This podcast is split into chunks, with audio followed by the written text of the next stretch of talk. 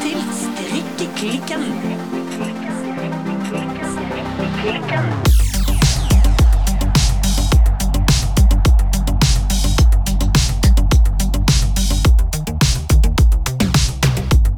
Hei, Birte. Hei, Silje. Hva strikker du på i dag, Silje? Du, nå skal du høre. Ja. Jeg strikker på min balaklava nummer to av balaklava nummer én fra My Favorite Things Knitwear. Yes. For altså, jeg har jo allerede strikket balaklava nummer én en gang før. Da strikket jeg den i um, Oslo-ull fra Oslo Mikrospinneri i fargen chai te. Ja. Men nå strikker jeg den altså en gang til. Og oi, oi, oi, oi, oi, oi, oi, oi. Birte, Ja. jeg er forelsket. Oh.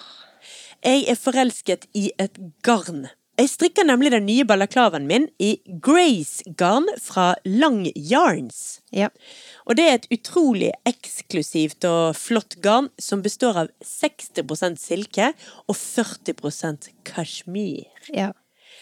Altså, det er så deilig å strikke med. Det er så bløtt og så mykt og så godt å ta på at det er bare en fryd å holde på med. Og jeg er så misunnelig Ja. akkurat nå. Det skjønner jeg. Altså, det er, det er rett og slett Jeg kan ikke få anbefalt det varmt nok. Jeg, jeg lurer meg på om jeg kommer til å remje mye om dette garnet fremover. Ja. Jeg strikker i fargen 0068, som kalles for mørk brun farge. Ja. Men altså, på grunn av all silkens i dette garnet, så er jo det veldig blankt. Altså, det reflekterer mye lys. Så fargen endrer seg veldig mye hele tiden. Og oppleves som en rekke forskjellige farger. ja, altså, jeg syns det så ut som en litt sånn veldig fin sånn grønn sånn army-farge, faktisk. Ja, mørk army-farge. I noe lys er den veldig grå. I noe lys er den brun, det er jeg enig i. Men den skifter veldig mye. Ja. Og den nye balaklavaen min, den er faktisk nesten ferdig allerede, allerede nå. Ja.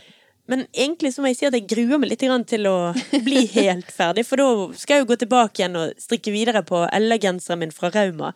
Og da blir ikke det kasjmir på en stund, altså. Nei. Fordi hvert nøste ut av dette garnet koster jo over 200 kroner, så dette Ja. her er dyrt garn. Yes. Så det er ikke akkurat noe du strikker et svært prosjekt av. Nei. Men jeg kommer nok fra tid til annen til å skjemme meg sjøl bort og kjøpe dette her utrolig flotte garnet flere ganger. Ja. Ja. Altså, jeg har jo kjent på disse her eh, lange garna, og de er jo helt fantastiske. Men foreløpig så har jeg ikke gitt eh, lommeboka mi lov. Eh, Men jeg skal innrømme at jeg har stått på butikken og kjent og kjent på alle typene, og gjort en del sånne kjappe hoderegninger og bare mm, Det går ikke. Men det er jo noe med når du tar på, på den type garn. Det er akkurat som om at det som bløtt er liksom et for lite dekkende ord. Det er akkurat Ja. som om at hendene eller Altså, det bare, du bare smelter inn i det. Ja. Og der er en sånn intens sånn Nesten sånn varme og mjukhet. Det er jo, dette er jo grunnen til at jeg driver og snakker om kasjmir og er helt sånn tussete, som en ville ha sagt på bergensk Ja. etter det. Ja, nei, det er helt fantastisk. Og så veier det jo knapt noen ting. Ja. Ja, det er et veldig dyrt garn. Men til denne balaklavaen her, da, så går det eh, Altså, jeg kjøpte to nøster, og jeg ser nå at jeg kommer ikke til å bruke opp de, så ett og et halvt nøste, da. Ja. Med jeg tror jeg betalte ca. 110 kroner per nøst. Nei, unnskyld, 210 kroner per nøste. Ja. Så da er du på ja, litt over 400 kroner for en balaklava. Jo, men eh, det koster jo fort det for ei hue i en nesten hvilken som helst butikk. Det er ikke den balaklavaen du da ender opp med å bare miste under sofaen. Dette her blir jo et eksklusivt produkt, Ja. men til mindre prosjekter så vil jeg virkelig anbefale det. Enn du, Birte? Tør jeg spørre, hva strikker du i dag? Nei, jeg strikker nå ikke for tida, og jeg har tenkt eh, litt på det. For at rett etter jeg begynte å strikke, så fikk jeg et sånt derre eureka-moment. Jeg kunne ikke forstå Altså, jeg var jo skikkelig sånn nyfrelst på strikking, Ja. og jeg kunne ikke forstå hva jeg hadde gjort på før. Eh, altså, hva, hva brukte livet mitt på når jeg ikke strikka? Og jeg var også litt sånn at jeg tenkte på all denne tida jeg hadde kasta vekk med å ikke strikke. Mm. For at når du blir hekta, og du strikker, så er det et stort poeng det her med å finne tid til å strikke. Ja. Ikke et minutt skal gå til spille. Nei, nei. Men nå er jeg litt sånn tilbake der, til å ikke strikke. Ja. Og på en eller annen sånn merkelig måte så går jo det strengt tatt bra. Sånn som det for øvrig har gjort i veldig, veldig mange år, når jeg ikke strikker. ja. Men en grunn til at jeg hadde lyst til å strikke, var jo nettopp for å føle at jeg brukte tida mi litt kjekkere, legge fra meg mobilen, Mm. komme i denne her strikkesona. Mm. Så jeg gleder meg sinnssykt til å komme dit igjen. Ja. Og for nye lyttere så må vi jo altså bare gjøre et poeng av at Birte sliter med en eh, rampant senebetennelse. Ja. Og strikker ikke for tiden. Dessverre. Jeg bare jeg drømmer om å strikke, og snakker om å strikke, og, eh, men jeg kommer tilbake. Men jeg kan fortelle hva jeg spiste til middag i dag. Ok. ja. Jeg spiste ball med vegetarpølse og rabbestappe. Ball. Ja. Altså raspeballer. Ah, nettopp. Og med smelta smør på toppen. Det var ikke vegetarsmør, da, det var ekte smør. Uh-huh. Men du nevnte jo etter denne romjulsspesialen vår at uh, du hadde begynt å kalle kålrabistappe for uh, rabbestappe. Rabbestappe, ja. Det er jo så gøy å si. Så det tenkte jeg litt på når jeg spiste middag i dag, så jeg tenkte at du ville sette pris på litt av sånn her rabbestappe-oppdatering. Ja, altså dagens Rabbestappenytt gjør meg veldig glad. Dette her setter jeg stor pris på.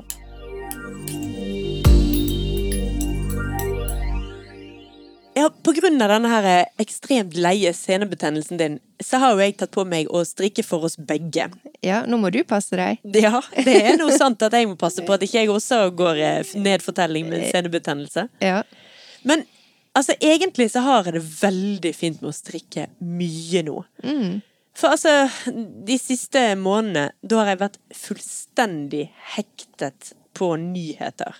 Ja. Jeg har sett og hørt og lest så latterlig mye nyheter og følger med så mye at det er helt Jeg blir helt utslitt av det. Ja. Sant? Først var det stadige, daglige, minutt for minutt omtrent, oppdateringer om pandemien. Ja. Så var det romjulen, hvor jeg da fulgte med på det forferdelige kvikkleireraset i Gjerdrum. Ja. Og så har jo da USA gått rett fullstendig av hengselet etter det, med en eh, steinegæren eh, mann med tilgang til atomvåpen som sitter i Det hvite hus. Eller Ja. satt. Satt. Ja. Heldigvis. Heldigvis. Men i all denne nyhetskaoset så har strikking hjulpet mye. Altså, jeg har virkelig vært dønn avhengig av å strikke. Og så, nå strikker jeg jo mer enn jeg noensinne har gjort før. Og også i forrige episode så snakket vi litt om utstyr og sånn. Og Ja. jeg lovde jo både at jeg skulle kjøpe meg et nytt strikkejern, Ja. og at jeg skulle kjøpe sånne utskiftbare Sånn strikkepinnesett hvor du kan skifte ut tuppene. Eller altså pinnene, da. Men rykta går. Hva har skjedd? Ja, jeg har kjøpt begge deler, jeg, altså. Jeg er nå den stolte innehaver av et strykejern som kan dampe. Jeg skal bli en sånn strykedampedame. Ja. Og det var fint å si. Ja, Strykedampedame. Eh, Jeg har rett nok ikke tatt i bruk ennå. Og i dag også så kom eh, det, strikke, det strikkesettet, det pinnesettet mitt, Ja. det kom i posten.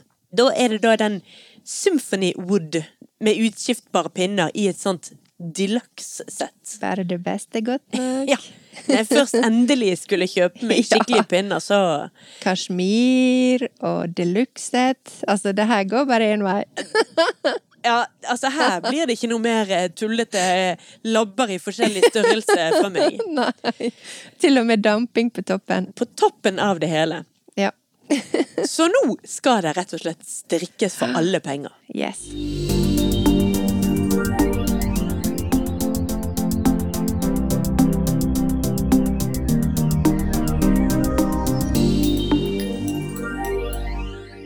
Dag skal jo vi snakke om designere. Ja. Eh, altså strikkedesignere, eller designere som er gode på strikk. Ja. Eller merker kanskje som er gode på strikk. Mm. Og vi har jo snakka veldig mye om My Favorite Things Knitwear Ja. og Petit Knit Ja. i podkasten vår, kanskje spesielt meg. Men der fins det jo så mye mer der ute. Og i dag så tenkte vi at vi skulle dele noen av våre andre favoritter. Sånn at både vi og lytterne våre kan utvide perspektivet litt. ja. For det er jo så veldig mange flinke folk der ute. Det er det. Altså, det finnes jo tusenvis av tusenvis av strikkedesignere. Ja. Så det sier seg sjøl at vi kan bare komme med noen helt få som vi liker, og som vi setter pris på. Ja. Dette skal vi også snakke om mange ganger fremover, men vi hadde lyst til å sette av en hel episode til å fokusere på noen, i alle fall. Ja. Og jeg kan jo kaste meg i det og fortelle om en dansk designer som heter Laura Dalgård. Ja. Hun er da altså en altså designer innen fashion knitwear, eller motestrikk, kan vi vel kanskje kalle det på norsk. ja. Hun har blant annet designa en serie som heter The Valley, som er utrolig fin, og som er inspirert av en slags miks av eh, Stranger Things og Tove Jansson. Altså Stranger Things TV-serien. TV-serien og Mummi. Ja, ja, Tove Jansson Ja. som jo skrev Mummibøkene. Ja. Og nå har hun eller rett før jul så ga hun ut en, eh, en ny kolleksjon i samarbeid med noen som heter Pura Ut. Mm -hmm. Som er relativt basic, eh, fargerike gensere og vester. Men også da med ulike sånn, applikasjoner, blant annet Smileys-applikasjoner. Ja. Og hvis det er smiley, så er jeg med. For jeg elsker smileyer. Dette er noe for deg. Ja. Men hun Laura, hun har også designa en av de kuleste strikkegenserne ever. Ok. Og det er nemlig en sånn logostrikkegenser, eller logosweater. Du kan Ja. finne den på, på nettet hvis du googler logosweater. Ja. Som en kunne se litt rundt omkring for et par, par år siden. Og her har hun rett og slett tatt ulike på en måte designa navn eller logoer, Ja. og så strikka det inn i en genser. Oh, ja. Så det står liksom Prada, Chanel, Dior på kryss og tvers. På Men i en hjemmestrikket eh, genser. genser. Ja. Og så er det liksom strikka i logofonten og sånn. ja. Den er utrolig kul. Men dette høres jo helt klart ut som noe du må strikke. Ja, det er det. Men det fins jo ikke oppskrift på denne logosweateren. Å nei! For det, det er en sånn genser som hun har laga, og som har blitt solgt. Jeg forstår. Ja. Det som er så bra, og grunnen til at jeg hadde lyst til å snakke om Laura litt i dag, det er for at nå i januar så har hun faktisk lansert en ny design, altså en ny sånn strikke, strikkeoppskrift.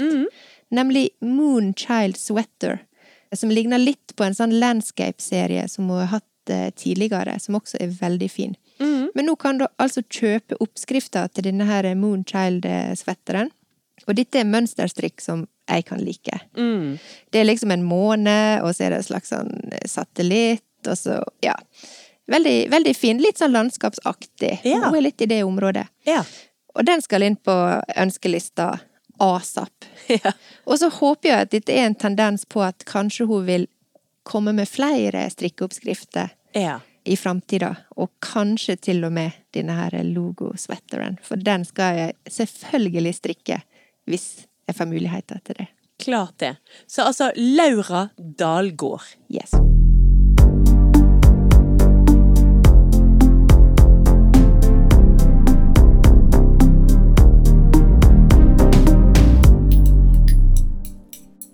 Det var mitt tips om eh, Laura Dalgård. Ja. Eh, men Silje, hva hadde du lyst til å snakke om? Jeg har lyst til å trekke fram en norsk designer som heter Vitre Design. Vitre med W. Ja. Vitre. Ja. Eh, Det er da en eh, dame som heter Ida Virak Trettevik. Mm. Virak med W igjen, så jeg er ikke helt sikker på om det er noe connection her. Altså Virak Trettevik, vi tre. Det er vel en eller annen eh, Ja.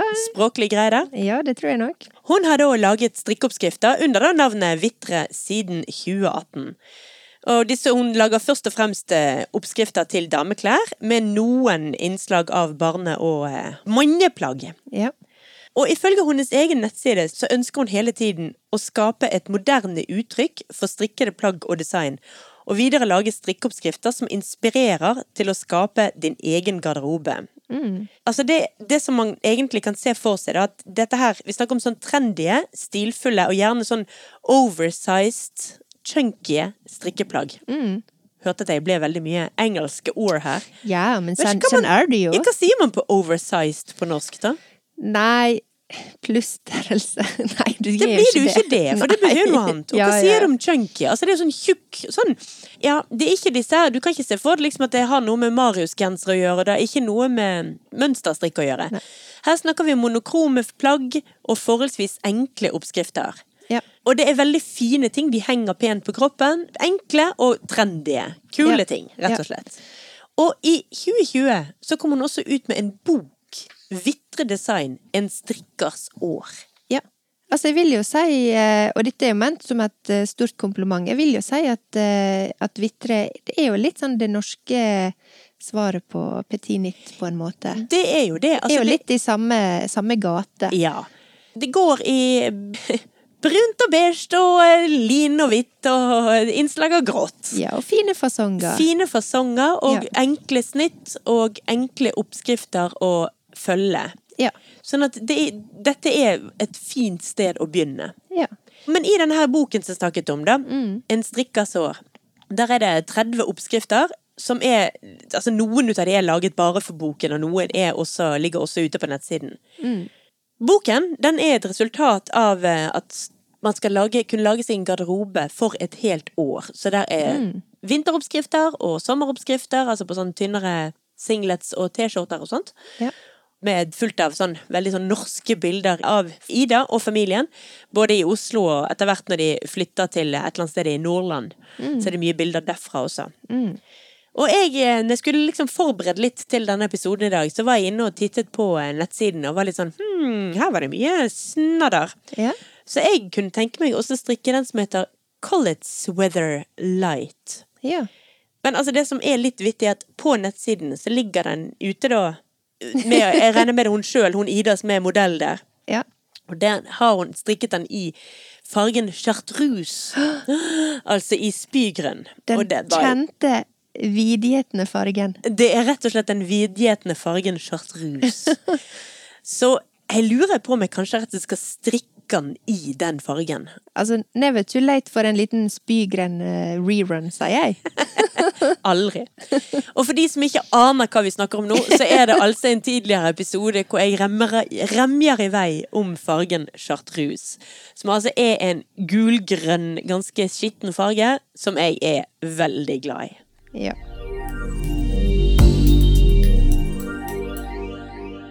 Så det var Vitre Design. ja. En norsk designer. En norsk designer, ja. Ja. Har du flere du vil tipse om? Ja, jeg vil jo nevne Lerke Bagger. Ja. Hun har jo vi snakka om før. Ja. Dronninga av restestrik. restestrikk. Ja. Og jeg vil si ei av Danmark sine absolutte rising eh, designstjerner. Ja. Foreløpig så jobber ikke hun på den måten at hun selger strikkeoppskrifter. Nei. Men hun er en strikkedesigner, og hun leverer strikkekolleksjoner som blir solgt i butikk. Ja, sånn, ja. Ja, og hun samarbeider også med ulike merker og på en måte designe strikkeplagg til for andre designere, da, som Ja. de har i, i sine kolleksjoner. Så det er mulig å kjøpe seg en Lerke Bagger-genser. Men du kan bare ikke strikke de sjøl. Nei, ikke, ikke de som hun leverer på den måten. Nei. Men som jeg nevnte, hun er jo dronninga av reste- restestrikk, men hun er jo selvfølgelig veldig mye mer enn det. Men hun har jo altså da lagt ut framgangsmåte på denne her Alone Together-svetteren. Ja. Som er en sånn restestrikk i klassisk eh, lerkestil, som du kan finne på under eh, Instagram-storiesa hennes. Der står det nøye beskrevet eh, framgangsmåte på den. Ja. Men det er jo litt sånn oksymoron, det å legge fram en nøye oppskrift på en restegarngenser. Ikke litt av ideen bak en restegarngenser at den skal bestå av hva du enn finner i garnlageret ditt? Jo, og det er jo absolutt eh, tanken her, men hun viser jo også hvordan hun binder sammen trådstumpene, Ja. knyter dem sammen, og hvordan du på en måte skal Denne genseren den har jo et slags design, for at det går liksom i, i striper. Du har en basefarge, og så er det liksom innslag av disse her restetrådene Ja. som du da gjerne knyter sammen. Hun tar jo vare på fem centimeter og én meter, og, så viser hun hvordan hun knyter dem sammen, da. Ja.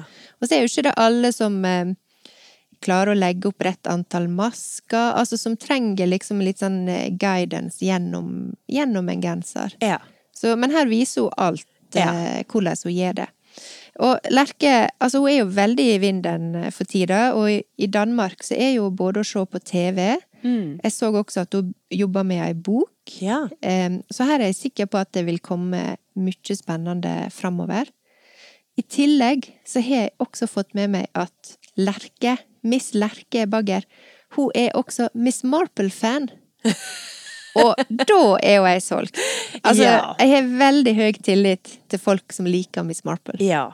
ja, jeg vet jo at du er langt over gjennomsnittet opptatt av både Miss Marple og Poirot. Yes. Så her har du jo helt klart You are connecting med Ja. Lerke Bagger. Jeg føler en sterk eh, connection, rett og slett. Men Silje, jeg ser jo vi har jo flere designere på lista vår her. Ja da. Ja. Ikke bare har vi flere, men vi har flere fra Danmark! ja. ja. Nei, altså den neste jeg vil snakke om, er jo også en vi har dratt fram flere ganger. Det er da um, et dansk merke som heter Gregoria Fibers. Ja. Gregoria Fibers. Ja. Alt eftersom hvordan man har lyst til å si det. ja. Det er jo da både et designmerke og også nå blitt et garnmerke også. ja. De har ikke veldig stort utvalg av garntyper foreløpig, men de har noen få eksklusive garn, garntyper. Ja. Og altså, her er jo virkelig den beige, hvite, olinfargede drømmen. ja. Her er det, her er det stilrent. Jeg tror nok at, eh, at Gregoria Fibers hadde, hadde dødd hvis noen hadde løpt inn på nettsiden og kastet et uh, chartreuse-farget garnnøste inn i haugen. Men jeg syns det er veldig gøy at du så får disse her eh, beige, hvite, linfargede fargene. For at du er jo definitivt den mest eh, fargerike og fargesterke strikkeren av oss. Ja, og, men på en måte er jo det bare trist. Jeg mener det er jo, jeg er jo en lin og beige strikker, jeg også. Bare ikke fullt så konsekvent som deg. Nei. Men du ser jo at jeg kan like ting med farger i, ser du? Absolutt. Ja. For lerkebagger, som du nettopp snakket om, har jo mye farger. ja. Og Laura også, faktisk. Ja. Så Men altså på sin egen nettside så skriver da Gregoria Fibers, som det for øvrig ikke er så veldig mye lett å finne så mye informasjon om. Nei. Men der står det da et sånt lite sånn min filosofi, my philosophy. Yeah. Og der omtaler hun seg sjøl som Hello, my name is Anna, and I'm a knitwear designer and owner of Gregoria Fibers. Ja. Så hun omtaler seg ikke med etternavn. Jeg har rett og slett ikke klart å finne ut av det. Nei. Men det er jo da en sånn veldig sånn tilnærming til garn om at det skal være høy kvalitet, det Mm. skal være rene snitt, det skal være etiske for måter å produsere garnet på. Ja. Sånn at jeg vil jo anbefale dette her. Det som jeg har strikket derfra, Ja. er jo denne Tove-genseren, som er veldig populær, og som jeg er veldig glad i.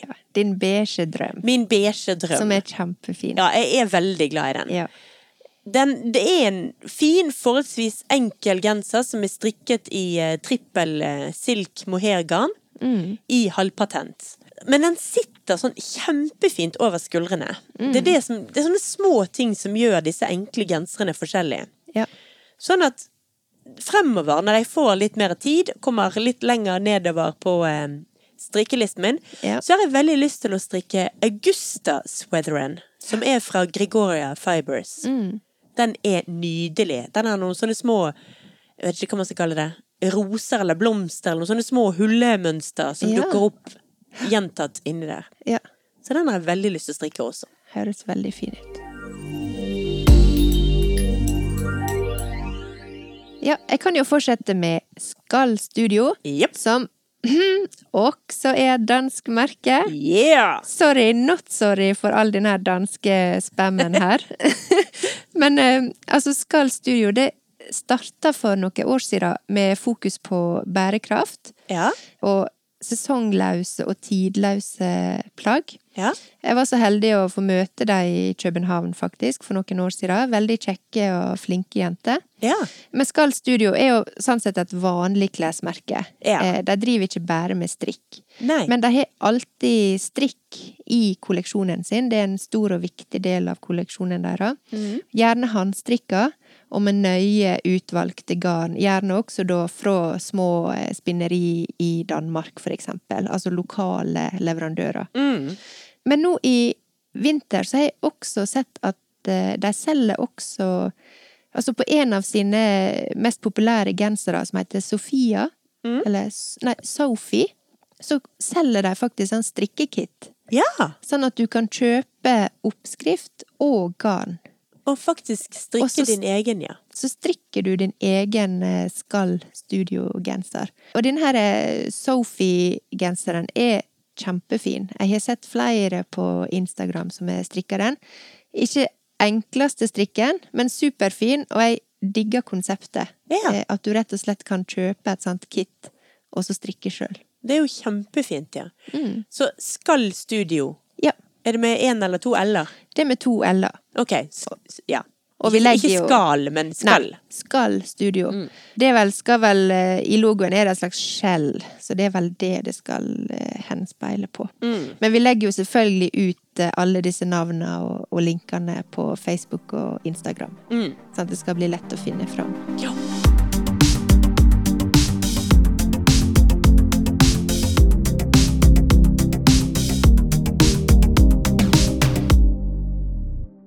Har jeg også denne her eh, Knitting for Olive. ja. Skal jeg bare hoppe i det? Hopp i det, Birte! La alle tipsene dine bare regne over oss. Ja, nå kommer det. Knitting for Olive er jo både et garnmerke, men de er også strikkedesignere. Altså, de har også veldig mange oppskrifter. Og jeg er jo veldig fan av eh, garnet deres. Har jo snakka om det mange ganger her på podkasten. Mm. De er selvfølgelig også danske. Ha-ha. Men favoritter fra Knitting for Olive De har blant annet en genser som heter Snoet Rib Sweater Ok. som er en fin Hva skal jeg si? Det er ikke sikkert den er så enkel å strikke, men det er i hvert fall en, en fin genser, altså en flettestrikk med et ganske enkelt uttrykk. Ok. Og så har de også en serie som heter Waffle Sweater og Waffle Cardigan, med et veldig sånn delikat eh, hålmønster, Ja. som er veldig fine. I tillegg så har de også mange enkle og begynnervennlige sånn type glattstrikkoppskrifter, Ja. eh, som, alltid, som alltid er kjekke å ha. Jeg har jo strikka denne her vinterhetta Ja. fra Knitting for Olive, som jeg liker veldig godt. Det var den som du strikket i petroleumsblå. Ja, støvet petroleumsblå. Å, jeg glemte ordet støvet. Ja, viktig detalj. Ja. Og så har de også noen sånne supersøte lillebjørnluer, eh, som er sånne her barnehue med bamseøyre på. Ja, de har jeg sett mye på Instagram eh, for Ja, tiden. de er jeg svak for. Er de fra Knitting for Olive, altså? Ja, i hvert fall den, den som heter lillebjørnlue, Ja. og det er sikkert den du har sett eh, rundt omkring. Jeg er litt sånn Hvorfor fins det ikke det til voksne?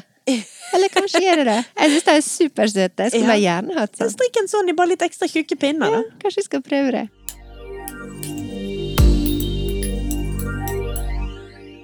Men vi har jo et par ting, eller et par designere til som vi har lyst å tipse om. Ja. Og nå gir jeg ordet til deg, Silje. Ja. Jeg har eh, dykket litt ned på internett og Ja. funnet at jeg har veldig lyst til å trekke fram en som heter Westnitz. Ja. Altså West med W, Knits, rett og slett. Ja. Det er en eh, amerikansk strikkedesigner som lager veldig fargerike og teatralske strikkeoppskrifter. Mm. I tillegg lager de også, eller han lager også garnet West Wool. wool. Så vanskelig det var å si. West Wool. West Wool. Ja, og bak både West Wool og West Knits Ja. så står mannen Steven West. Ja. Altså dette her er klærne, og det er veldig mye fokus på skjerf og sjal og luer. Det er noen andre plagg også, men da er de veldig sånn løst drapert rundt kroppen. Det er mye grafiske elementer, og mye Hva heter sånn det på norsk? Color blocking. Ja. Vi sier vel det på norsk? Ja. Color blocking. ja. Høres norsk ut for meg. Altså, dette er veldig spennende og trendy og fargesterkt. Uttrykksfullt. Bare for å gjøre det helt klart. Dette er klær og design for den eh, flamboyante gentleman som eh, digger RuPaul's Drag Race og neonfarger og eh, et lett sjal om skuldrene når han går hjem fra nattklubben Berghain. Ja. Det er ikke tantestrikk vi Dette snakker. er ikke tantestrikk. Sånn Hva nå enn det hva nå enn det er, for å si det på den måten, ja. Jeg syns det er kjempefint. For meg blir det nærmest mer kunstuttrykk enn klær. Men jeg, jeg syns jo det er veldig spennende. Men det er ikke noe jeg ville strikket til meg sjøl. Jeg hadde ikke brukt det sjøl. Men jeg har nok noen eh, par-tre fargerike venner som eh, vil elske denne designeren her. Mm, ja, det tror jeg på. I tillegg så har den der Steven, Steven West, han driver også eh, en garnbutikk i Amsterdam som heter Steven og Penelope. Og det er en sånn liten garnbutikk med mye egen, eget uttrykk. Ja. Så der er det med mye farger, tekstur, mye fokus på eh, valg og det individuelle. Sant? De har en egen seksjon på nettsiden som handler om inkludering, og at alle skal føle seg velkommen uansett kjønn, rase, orientering. Her skal du komme og være fri og strikke i glade farger. ja. Så det er da min lille anbefaling i dag, altså West Knits av Steven West. Jo, men jeg ser jo lett for meg at eh, et heimestrikkersjal i flott garn, fargerikt garn, kanskje litt spesielle farger som du ikke nødvendigvis ser i alle garnbutikker, det kan godt funke det opp mot en litt mer nøytral eh, garderobe som eh, i hvert fall jeg er innehaver av. Du skal ikke kimse Det er ikke noe tvil om at dette funker, det er bare det at det krever sin eh, person å gå med disse her. Ja. For det er, dette er ikke nøytrale snik deg inn i tapeten-plagget. Her må du tåle litt... å stikke deg ut. Ja, men ser litt for meg, faktisk.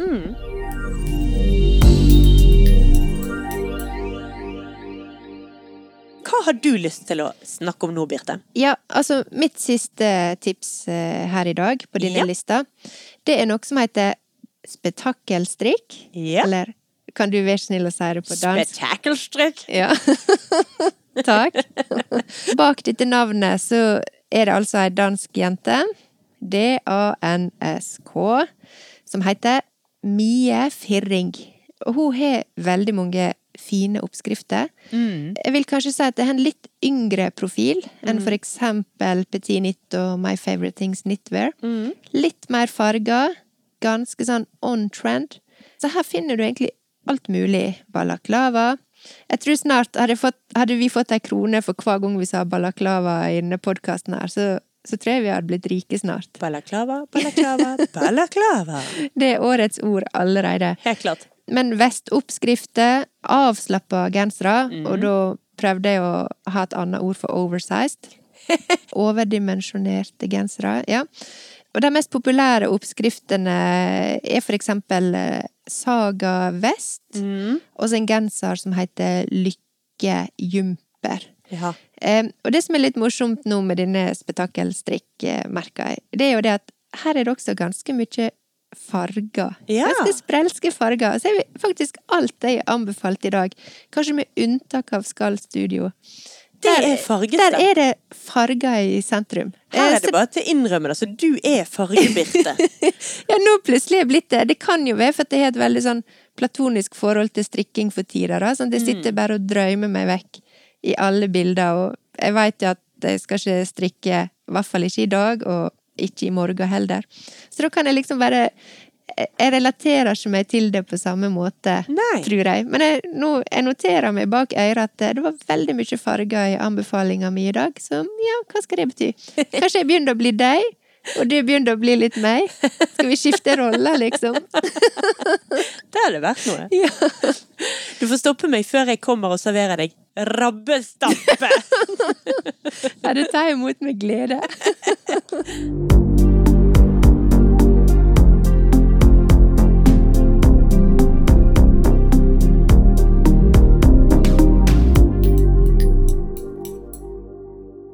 Men Silje, jeg vet du også har en siste Det er jo feil å si en siste ting, men ei siste dame på Ja. lista di.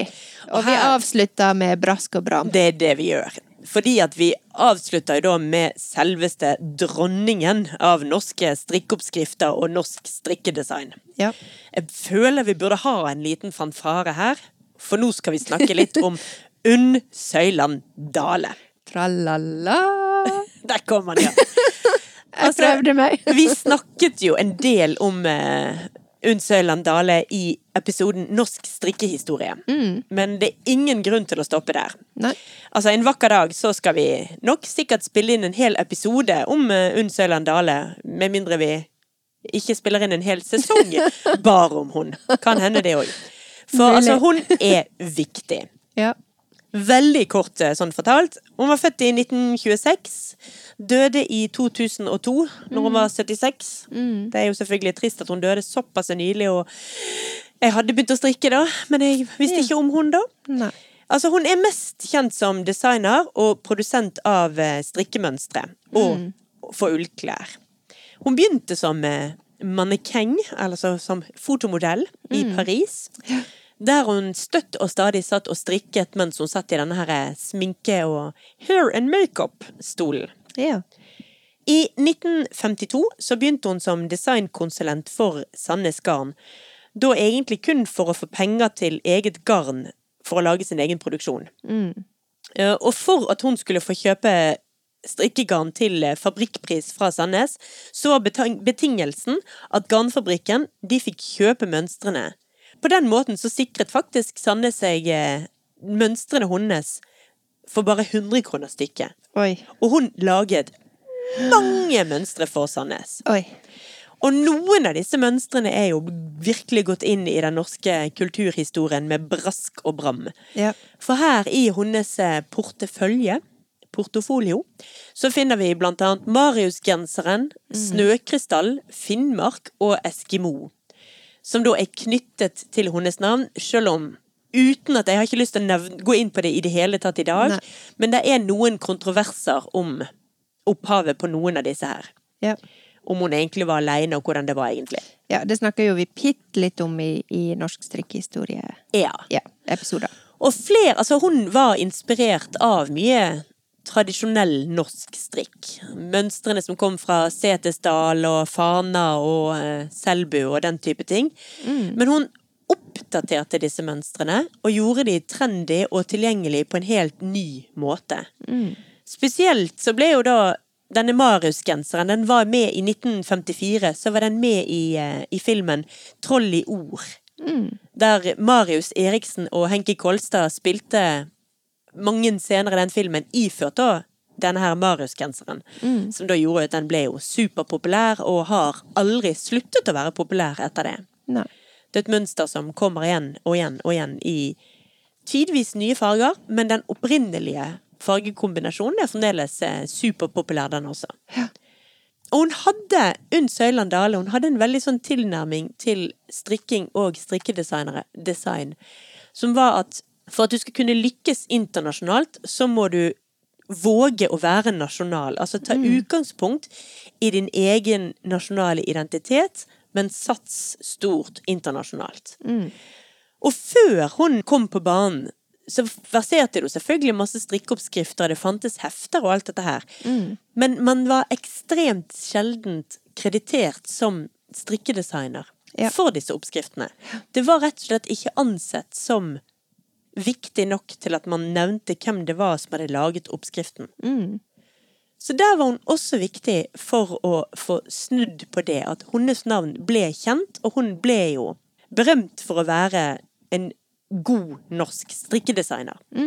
På 80- og 90-tallet så designet og produserte hun håndstrikkete kreasjoner for blant annet Christian Dior og eh, Givenchy. ja, Hubert de Givenchy. Eh, blant annet, da. Og eh, hun var faktisk kjent som liksom vår strikkende ambassadør i utlandet. Sant? Lenge før Per bukk og alt dette. Ja. Så i 2002 så eh, mottok hun heldigvis kongens fortjenestemedalje i gull. Så det syns jeg er veldig kjekt at hun fikk anerkjennelse for den ekstremt viktige jobben hun hadde gjort som eh, strikkedesigner. Ja. Så la oss nå bare heve vårt glass, senke våre strikkepinner og heve vårt glass i en god skål for Unn Søyland Dale. Woo! det funker, det. Nei, men det er bra å avslutte med i hvert fall eh, en eh, viktig norsk strikkedesigner, da. Ja. Et, også litt etter denne her eh, danske, danskelista mi. Vi har hatt mange dansker, og vi har hatt mye moderne ting. Og da, vi vil jo i strikkeklikken både si, være nærsynt og langsynt på ett et på hvert øye. Ja. Og dermed-. Ja, vi vil se både fremover og bakover. ja. Sånn at uh, det kommer garantert mer designere, sikkert både i egne episoder, og vi vil selvfølgelig snike inn informasjon om designere støtt og stadig, for dette er jo viktig når man holder på med strikking. Ja da, og vi snakker jo om det regelmessig også, både i forhold til om hva vi strikker på, og hva vi tipser om, Ja. så dette, dette er jo en viktig del av eh, strikkeklikken.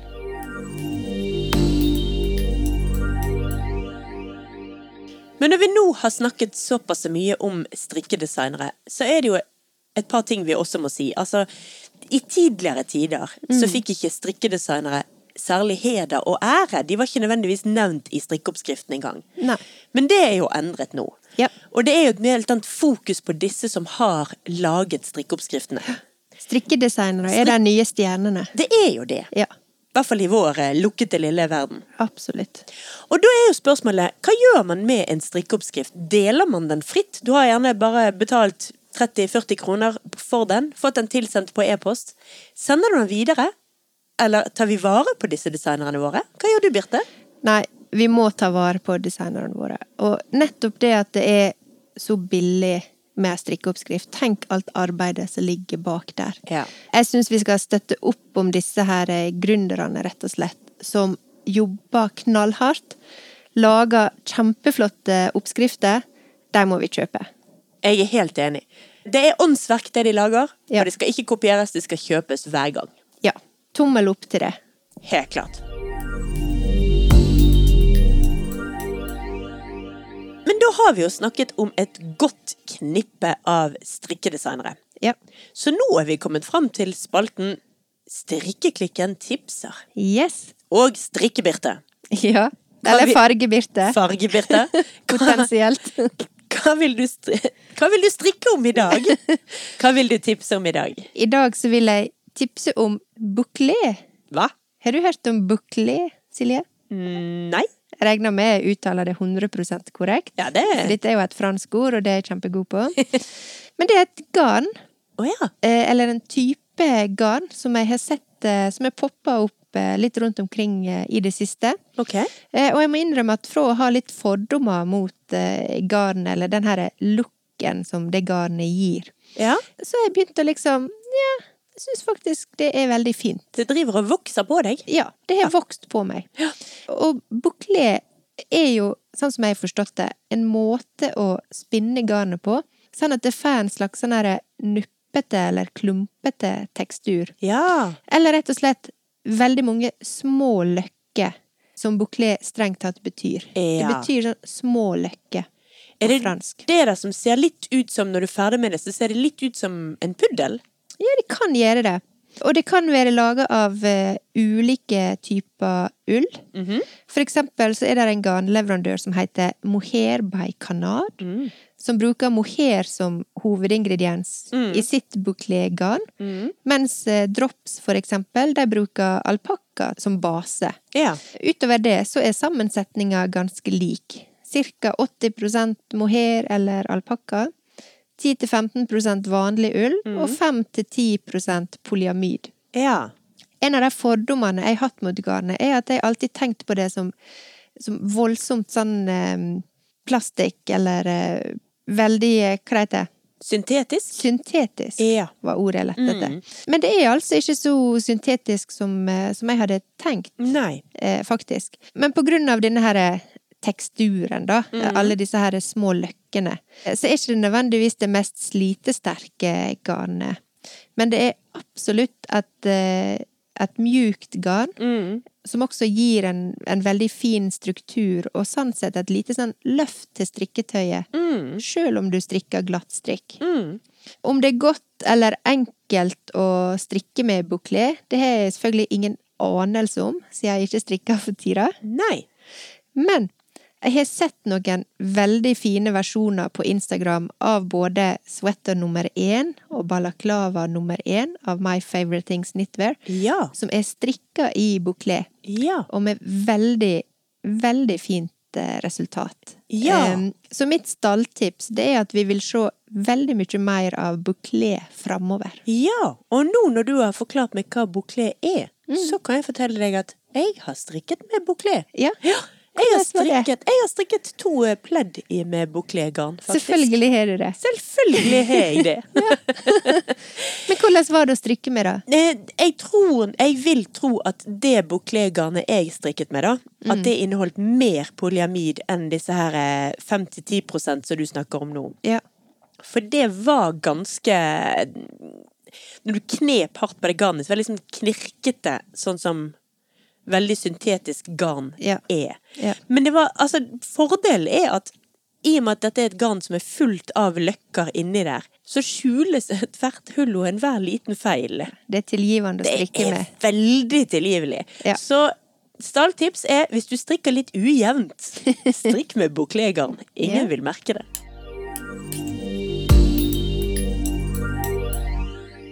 I dag vil jeg veldig gjerne tipse om perleribb. Ja. Ja, altså Dette jeg skal tipse om er dødsenkelt. Sånn at de mer strikkekyndige av lytterne våre, de vil nok eh, vri seg i vonde over at det er mulig å tipse om noe så basic. ja. Men vi er basic. Vi er basic. Ja. Det, altså, dette her er så enkelt, og da er det så kjekt også. Denne her er balaklava nummer én som jeg allerede har strikket, og nå strikker for andre gang, den er strikket i perleribb. Og perleribb er en teknikk som gir veldig fine striper i plagget, uten at plagget trekker seg like mye sammen som vanlig ribbestrik gjør. Det blir på en måte, altså Resultatet blir på en måte en slags mellomting mellom glattstrikk og perleribb. Den har disse stripene, uten at den er så elastisk og trekker seg så mye sammen. da. Og så altså den store fordelen dette her høres jo komplisert ut, men det kunne ikke vært enklere. For det du gjør når du strikker perleribb, er rett og slett at på den ene siden så strikker du vanlig ribbestrikk, altså to rette, to vrange, og så repeterer du. Og på den andre siden, på retten, så strikker du vanlig glattstrikk, altså bare rette. Rett, Ja. rett, rett, rett, rett. Og Å, da ja. blir det perleribb. ja. Så da bare strikker du hele pinnen som rett strikk. For jeg har tenkt at når du strikker perleribb, så strikker du på en måte motsatt av det du gjør i vrangbår. Nei, da får du perlestrikk. Mens hvis du Ah. skal ha perleribb, Ja, så det er to forskjellige ting. Det er to forskjellige ting, rett og slett. Sant? Fordi at hvis du strikker perlestrikk, så har du ikke stripene som går oppover. Nei. Da er det bare perletekstur. Struktur. Struktur? Ja. Tekstur? Ja. Strikk. Strikk? Mens for å få disse her eh, stripene oppover, da er det altså perleribb. Ja, Så det var min lille anbefaling i dag. Men du, nå lærte jeg søren meg noe nytt i dag også. Enda det var basic. ja.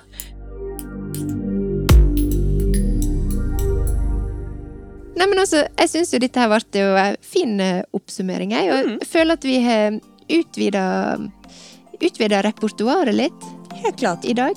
Nå har vi blitt eh, litt kjent med noen flere designere. Du er blitt kjent med Lang Jans. Ja. Takk for i dag, Birte. Vi høres om en uke. Det gjør vi. Ha det bra. Ha det.